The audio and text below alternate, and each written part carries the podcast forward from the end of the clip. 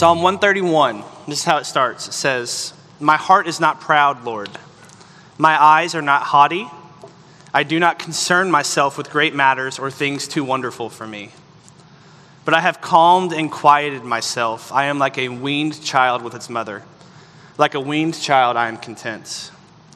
Israel, put your hope in the Lord, both now and forevermore. And that is the word of the Lord for the people of God this morning. Y'all can have a seat. Uh, my name's Brooks. If, I, if we haven't met, um, I'd love to meet you. I work here. Um, I tell myself that since I'm teaching in back to back weeks, and that's something that's like really, really rare, that I'm back by popular demand. I don't know if that's true, but that's what I've been telling myself all week as I've been preparing. Um, another thing that I think y'all should know about me is that I love plants. Not in the sense of like, I love taking care of plants, but I love looking at the plants my wife takes care of. Does anyone else love plants or like really appreciate plants? I think it is awesome whenever I go and I look at our window and we have a fiddle leaf and there's new leaves sprouting out of it. Because if, you, if you've ever had a fiddle leaf, you know that those things are fickle. And it is a big flex if you can get some leaves sprouting out of that thing, right? I love looking at the succulents, seeing them grow out of their little jars. I love looking at our pothos and seeing it hang down from our floating shelf, looking at the hang time on that thing. It's great. And uh, we have a, like I said, we have a floating shelf in our kitchen with a, with a pothos on it. And recently, um, it had, this is going to sound like a brag. I'm not trying to brag. I don't take care of anything. But our pothos had literally like grown from the floating shelf at our ceiling, like to the floor. All right. Like this thing was thriving. I don't know what it was, the sunlight, I guess, but it was thriving. Okay. And as our pothos was growing to the floor, I was like, this is amazing. Like, this is so cool. We have to keep this thing like safe. We have to do everything we can to protect it. But eventually, it started to not do as well. Like it started to get look kind of anemic and like not healthy. And I was like, what is happening? And I talked to Mabry about it.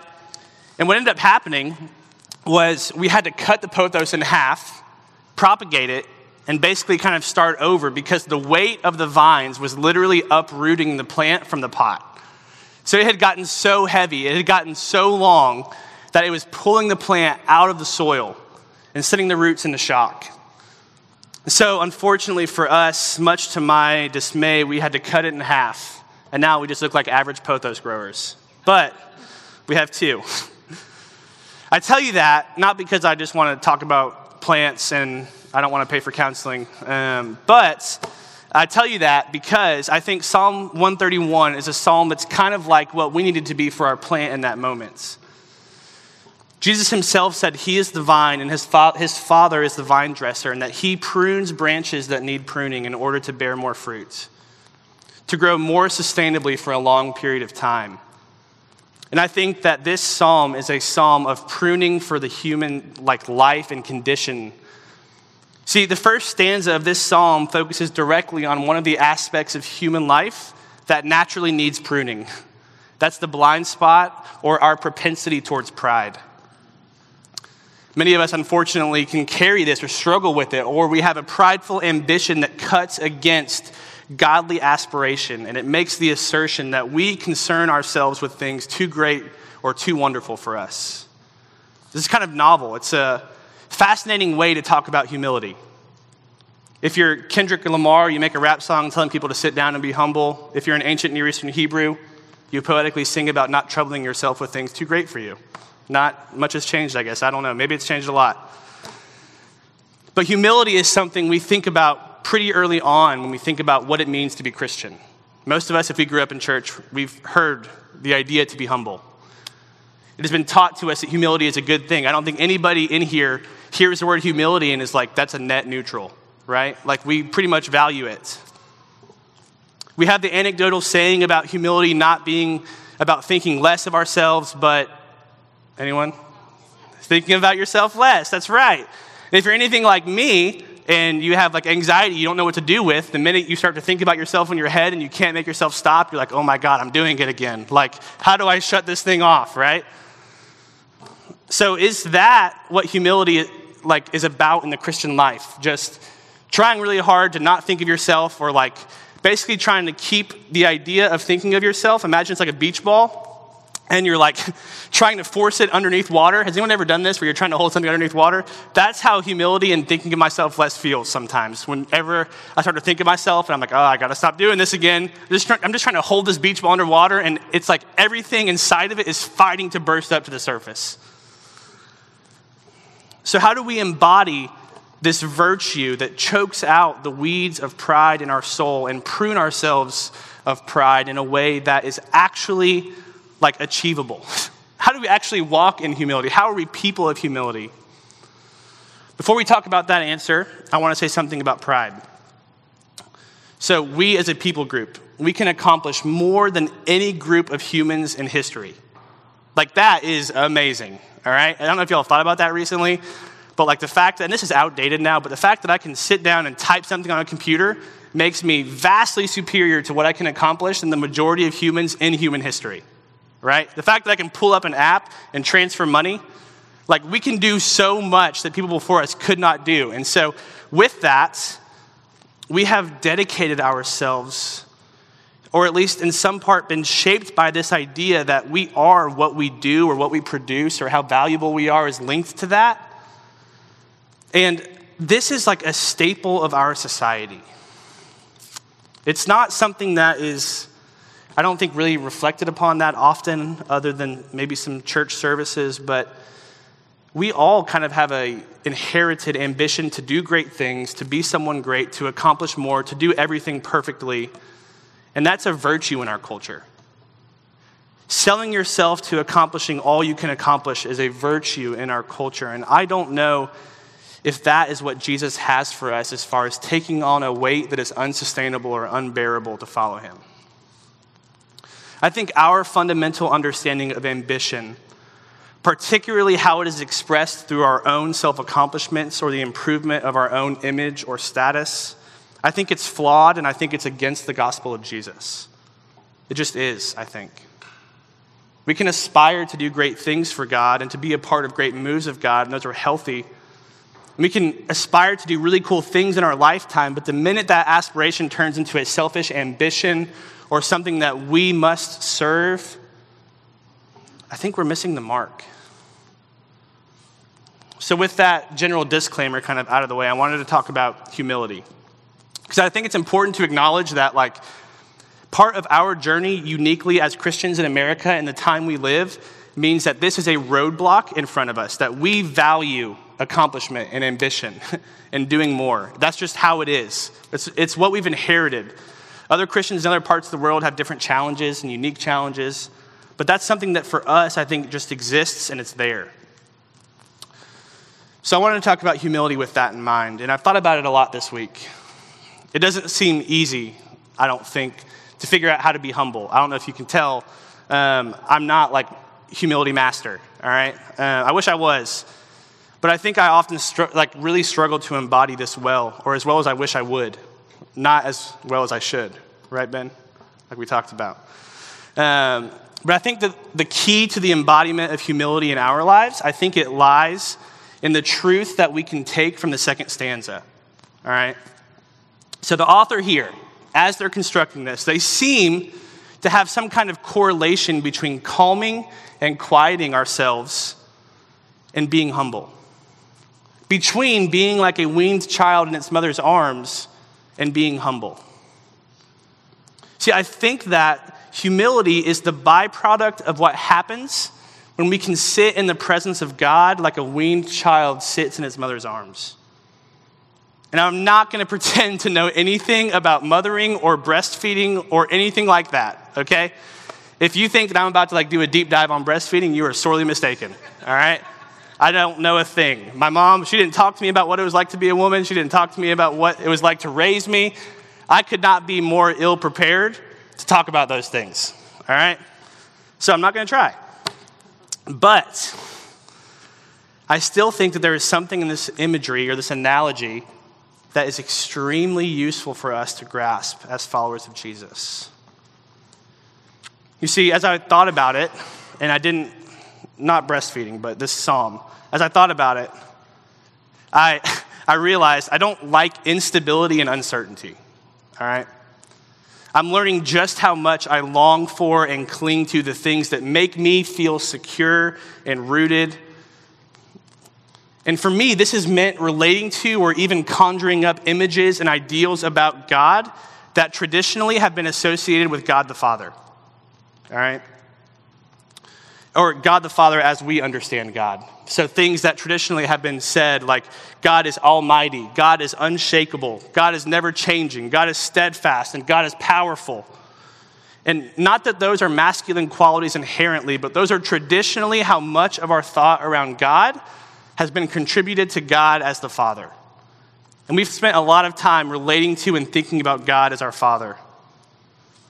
And this image of God, this perception of God as an all powerful Father who will bat away my enemies and provide a firm foundation for me to build my life on, where I can know exactly what I was getting and how to get different outcomes in life, it's in a weird way kind of been like two ankle braces for my weak theological ankles, if you know. This is an analogy I can relate to, so I'll get to the weaning thing a little bit, but this is something that kind of makes more sense to me in my experience.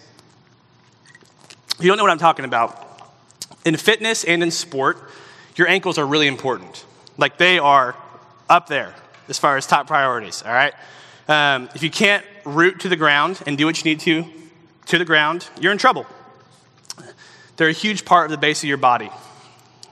Like your ability to twist, maneuver, support weight, properly hinge at certain points in the ankle joint. These are crucial to walking, running, switching directions, really anything that involves moving your body. If you have bad ankles, you can't do much. So, an athlete can sprain their ankle and damage the joint, or anyone can, right? Um, I've endured parts of my life that were really painful. And so I, it's kind of like spraining your ankle in that the parts of my life that hurt me emotionally, spiritually, they kind of wounded the base of my theological foundation. They hurt my theological ankles. How I understood life to be, the really important part, the stable part, that got hurt and wounded. And so, like I said, I sprained my theological ankles, so to speak. And like what many athletes do, I adopted some braces or some theological ideas about God and God's stability and God's own identity to help anchor me in the places where I felt weak. Because that's what an ankle brace does it supports the joints that are weak so that they don't get overburdened, provides stability for them when they don't have it themselves. It helps them. It doesn't mean the things weren't true that I adopted. It doesn't mean they weren't ultimately good, but they weren't exhaustive or capable of a lot of nuance. They served one purpose. The purpose was to support the parts of my ideas about God that felt weak and needed support. So, my ability to trust God, my ability to believe that God cared for me even in the midst of difficult circumstances, that was really weak. So I got some theological ankle braces to help give them strength for me so I didn't have to think about it. Because really, that's what an ankle brace does it inhibits the joint or the muscle group from actually growing and reacquiring that strength that it needs in order to fully heal and recover.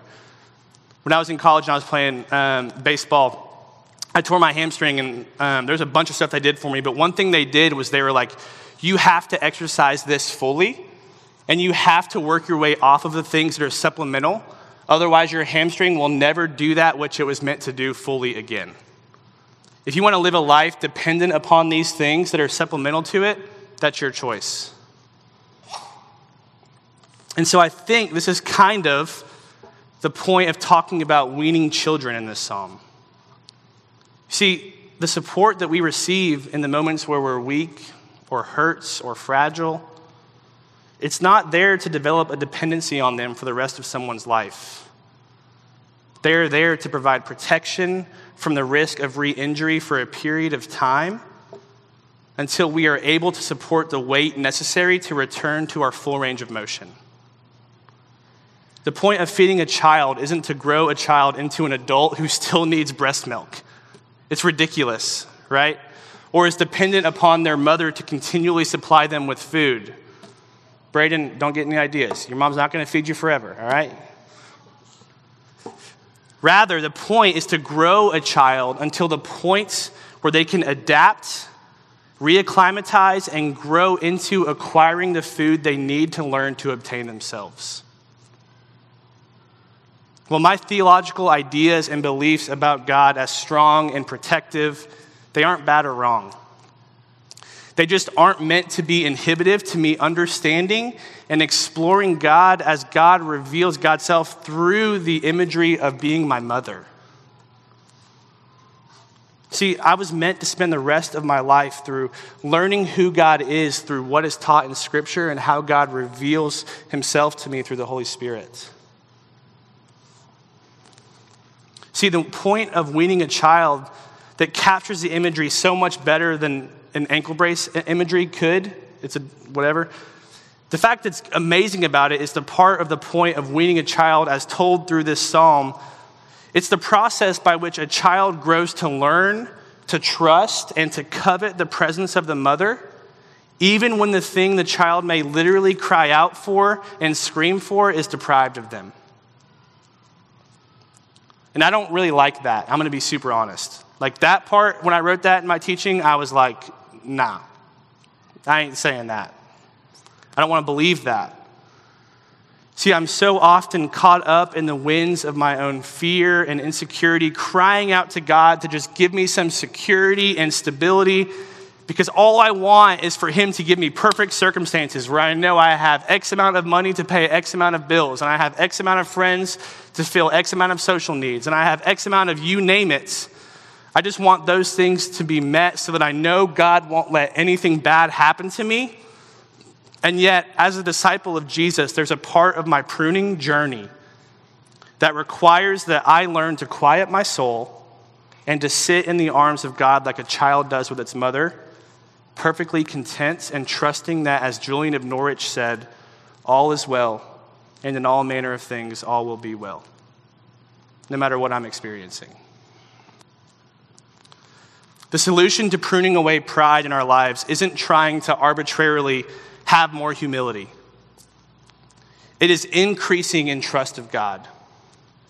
See, I rarely encounter pride in my life where it is not a smokescreen that is trying to keep me distracted from the fact that the only reason I'm trying so hard to think so much of myself or to convince other people to think really highly of me is because I'm terrified to confront the reality that I so often think so little of myself and believe that a perfect and holy and heavenly being must think so much littler of me yet.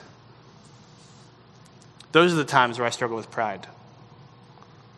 Not because I'm just a jerk, although I am sometimes, but you know what I'm saying. See, we have to confront the times when we think we can be like God and bring restoration to a broken city that is fully out of our control. We do have to confront that kind of pride.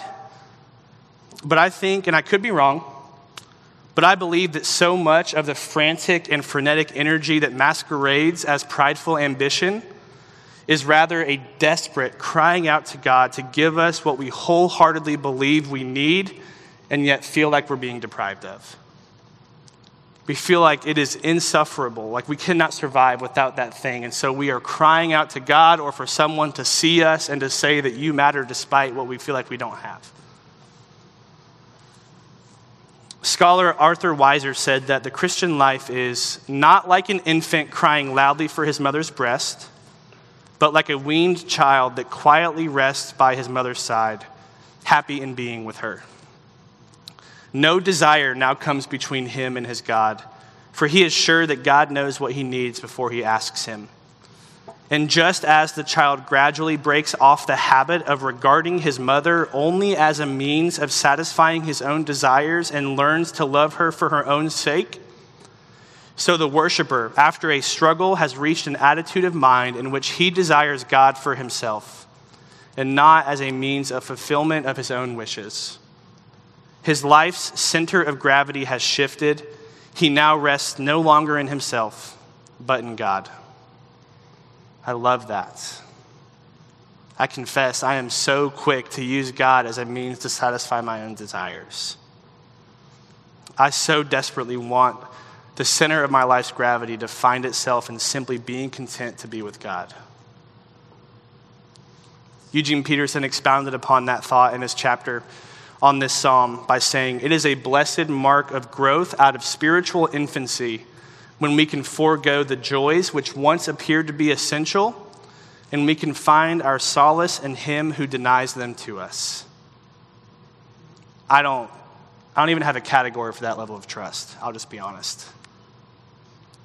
Like the level of trust that says that I find my joy in the one who is de- seemingly denying me of the thing that I am convinced I need. I wrestle this to the ground very often. I have been reflecting a lot, past couple months even, about what I feel like I need from God, where I feel like I'm being deprived. I, um, I came to faith on a small private Christian school's campus. And if you know anything about small private Christian school colleges, they are unique places. All right? Um, chapel three times a week, work hours because you come in past curfew, all that stuff that if you go to UTC, y'all got it made. All right? You don't have the private Christian school scars that we got. Um, but in all seriousness, um, it was a great experience nonetheless, and I'm very thankful. And this is where I kind of discerned that I wanted to work at a church. Um, and so, as I did that, I studied pastoral ministry on a private Christian school campus where the pastoral ministry majors, there's a certain level of clout that came with it. All right? We were like the super Christians on a Christian school campus. All right? We were the ones who were going to like prepare for war or whatever. Um, and it was a noble and honorable pursuit. Even growing up in the South, like for the most part, um, a lot of my friends, or even I would say this to my friends who were Christians, if they were denying themselves of pleasures or luxuries of life that I felt like I couldn't deny myself of, I would be like, you know what? That's crazy, but you're a better person than me. There was a certain level of admiration that came with it. So I thought I was going into a ministry in which I was going to be a pastor, and everyone I met was going to be like, wow, you are so generous and humble and thoughtful. You really sacrifice for God. Turns out society is not like that. All right? I don't know if y'all have noticed. But most people I meet now, they greet me with suspicion and distrust and skepticism. The thing I devote my career to is no more honorable for some people than working for an oppressive government regime, legitimately. And I'm not trying to downplay that skepticism or question it or anything like that. I get it that I've inherited some pretty bad baggage, all right? But there's still something about like when you think and you envision your life where it's like, I'm going to work as a pastor and I'm going to lead everyone to Jesus because everyone's going to be like, you're so fun and holy. And like, we respect you. You know what I mean? And so I've been crying out to God a lot, telling him that I can't serve him effectively or I can't be who I feel like God wants me to be because God hasn't orchestrated the circumstances that are perfectly like there for me to be potent and effective. And yet, like a weaned child, God has instructed me to trust Him. That I don't need to be liked or respected or viewed as better than others nearly as much as I believe. That in fact, it's actually inhibitive to believing that He loves me right now. And despite what I think I need from other people, I must ask myself do I trust and accept that I can continue to grow and flourish in the midst of God's arms, like a child finds contentment in its mother, even when they are denied milk? I don't know. I want to say yes to you, but it's something that I wrestle to the ground every day, trying to figure out how to believe it more than I want to believe it currently.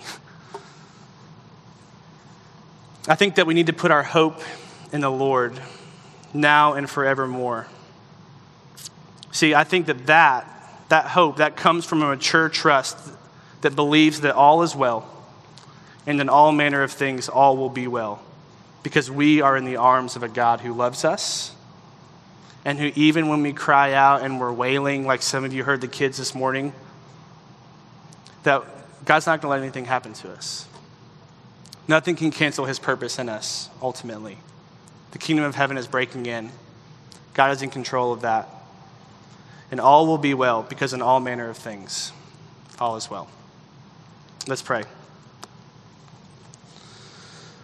Heavenly Father, um, yeah, Jesus, I pray that you would give us trust. God, I know that um, for me, it's like, it's liberating to realize that so much of my pride or my um, behavior that looks maybe not as pretty as I would like it to really is rooted in a distrust or a suspicion of, of you. That you really can't be as good as you say you are. Who are we? Who are you to be trusted like that?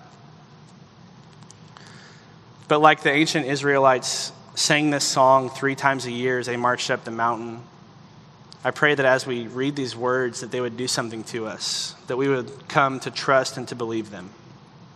So Jesus, help us to do that. We love you. We pray this in your name. Amen.